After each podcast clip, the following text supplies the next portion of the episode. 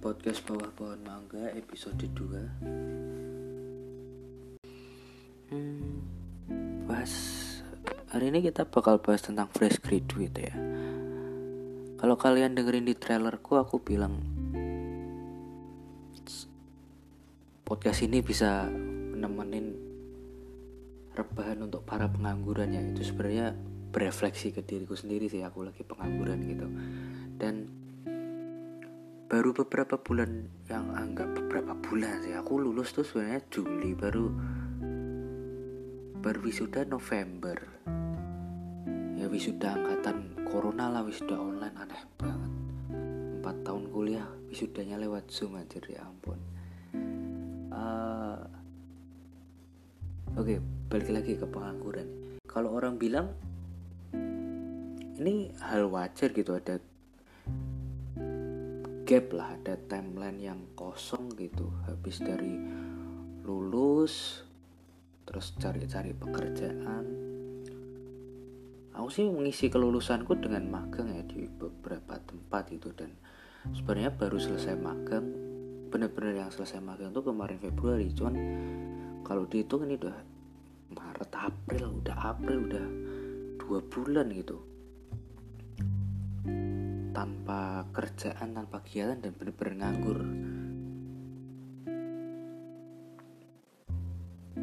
Ini ya mungkin rutinitas fresh graduate di pagi hari itu bangun buka LinkedIn buka email refresh refresh refresh. Berharap ada satu email yang masuk gitu tapi nggak tahu apakah aku doa yang ngerasa atau banyak juga yang ngerasa kalau kok gak ada gitu? Nggak ada yang masuk sama sekali. Aneh banget. Aku sih ngerasa aneh banget ya dari sekian banyak apply yang dimasukin tapi tetap nggak ada yang nyantol gitu. Aneh ya. Ya mungkin perspektif logisnya adalah aku kurang kompeten gitu kan atau jangan-jangan aku overqualified. Pede banget ya. Ya tapi itu setidaknya untuk menjaga kesehatan mental lah ya. Kalau nggak lolos nggak ada panggilan dari screening CV pikir aja kalau kita overqualified. Tapi bahaya juga sih kalau sombong kayak gitu nggak berusaha ngembangin diri. Ya itu terserah lah. Kalian mau pakai tidak tidak berkompeten atau overqualified sesuaiin lah dengan kondisi mental kalian. Kalau memang lagi down pakai aja overqualified. Mungkin itu yang akan aku pakai lah ke depannya ya. Kalau nggak ada panggilan. Overqualified nih aku nih. Oh ini ya cocok nih overqualified nih. Gitu. Aneh sih. Uh, tapi pasti kayak gitu bikin insecure lah ya kekhawatiran gitu kalau kalau aku bilang umur umur umur SMP SMA kita insecure sama Instagram story feed Instagram teman-teman kita. Tapi kalau udah kuliah gini udah lulus gini fresh graduate itu insecure-nya sama profil LinkedIn aja profil profil temen gitu Ucapkan selamat untuk si A karena telah menempati posisi baru di perusahaan Pertamina. Wow, gitu. Kemarin baru aja temanku ada yang lolos seleksi kerja terus dia ngabarin aku ya. Ya nggak tahu dia ngabarin tuh ya karena kita berjuang bersama ya kita dari awal bareng gitu nyarinya seneng aku aku juga ikut senang nggak tahu ya aku ikut senang tapi setelah kesenangan itu mengendap tuh jadi insecure lagi gitu. Kapan aku dapat panggilan kerja kalau orang bilang uh, tenang timelinenya beda-beda timelinenya beda-beda ya beda-beda tapi kapan gitu kan pertanyaannya selalu kapan kan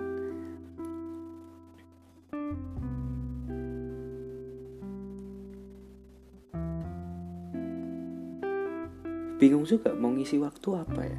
Kalau mau keluar keluar tuh sadar diri gitu. Maksudnya nggak berpenghasilan ngapain nongkrong nongkrong gitu. Apalagi pandemi lah ya.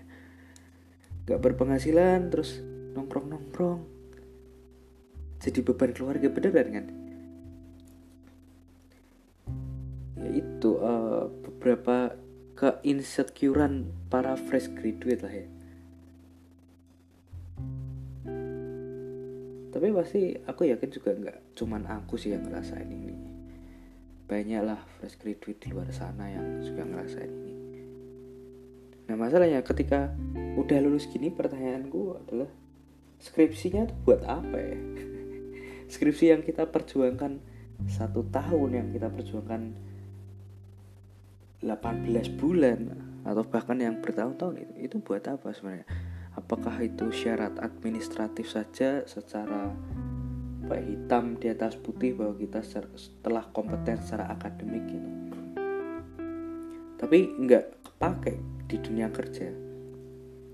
Ini buat kalau kalian ada mahasiswa akhir yang lagi dengerin ini coba deh bikin skripsi tentang penelitian uh, analisis dampak skripsi, dampak pembuatan skripsi pada peluang mahasiswa mendapatkan kerja atau analisis bagaimana skripsi dapat membantu mahasiswa mendapatkan pekerjaan setelah lulus itu. Nah, kalau kita dengar ya kebijakan Pak Nadim yang kemarin ya, kayaknya beliau mengizinkan ya lulus tanpa skripsi tapi dikembalikan lagi ke univ gitu universitas. Nah ini menarik kalau semua S1 nya kemudian lulus terus nyari pekerjaan ya bayangin sekarang ada berapa lulusan S1 gitu. Dalam satu periode wisuda aja katakan 300 orang univ biasanya 3 sampai 4 kali periode ya katakan per tahun 1000 sarjana baru. Lowongan kerjaan segitu-gitu aja nih.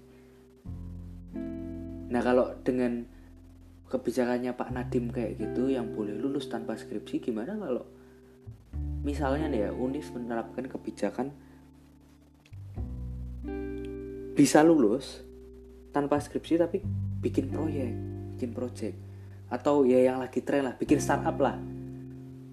Bikin startup uh, validasi marketnya udah uh, aman validasi produknya juga aman bisnis modelnya juga aman bisa jalan lah istilahnya gitu. Setelah teruji itu bahwa startupnya bisa jalan projectnya bisa jalan lulus gitu. Atau mungkin untuk mahasiswa ekonomi deh ekonomi. Kalian kalian bisa lulus gitu. Kalau bikin satu usaha bareng terus dikatakan lulus kalau usaha itu sudah berjalan selama tiga bulan profit kalau mau tambah susah lagi mungkin lulus dengan memperkerjakan dua pegawai di luar universitas gitu. Di luar rekan-rekan universitas maksudnya. Bayangin kalau syarat-syarat kelulusan kayak gitu bukan bukan skripsi yang utama ada syarat-syarat kelulusan itu. Banyak berapa banyak startup yang akan muncul berapa banyak usaha-usaha kecil dan lapangan kerja baru yang akan muncul. Aku pikir harusnya memang S1 itu kita mulai menciptakan pekerjaan gitu. Nggak cuman sekedar nyari. Ya walaupun posisinya aku juga mencari ya. Aku juga masih cari-cari pekerjaan tapi dengan bekal S1 dan mungkin kelonggaran kalau ada skripsi yang bisa digantikan dengan project, bikin startup, bikin um, usaha gitu. Ya mungkin bisa jadi solusi lah, bukan hanya solusi untuk fresh graduate-nya tapi juga solusi untuk lingkungan ya. Program 1000 startup digital tuh cepet banget. Tercapai kalau anak-anak uh, S1 nya lulus dia bikin startup ya. ya nggak harus startup digital lah rintisan-rintisan project rintisan usaha uh, rintisan komunitas sosiopreneur gitu.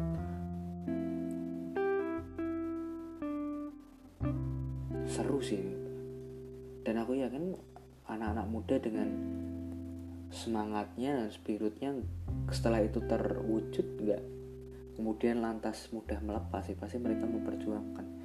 Kalau tentang dana kayaknya bisa lah ya sekarang banyak banget inkubator untuk startup uh, banyak banget kompetisi untuk bisnis plan gitu. Itu bisa jadi modal awal.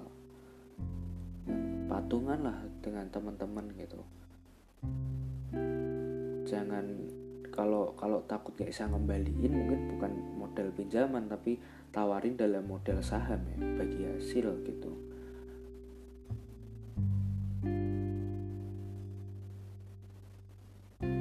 Ya intinya apa yang uh, fresh graduate dengan mungkin dengan kerasahannya selama ini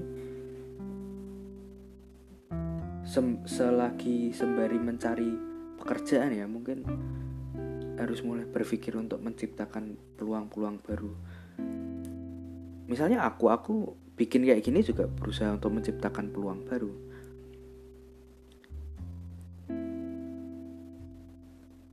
Selain ngeluarin pikiran random selain ngeluarin unak-unak selain ngeluarin keluh kesah ya apalagi sebagai fresh grad aku bikin kayak gini siapa tahu ada peluang baru gitu. Kita nggak pernah tahu lah pintu kesempatan itu yang terbuka yang mana dan kapan dan bagaimana. Ya coba aja dulu gitu. Ya tadi bikin-bikin komunitas lah. Minimal peluang peluang paling minimal yang kita dapatkan adalah kan networking kan.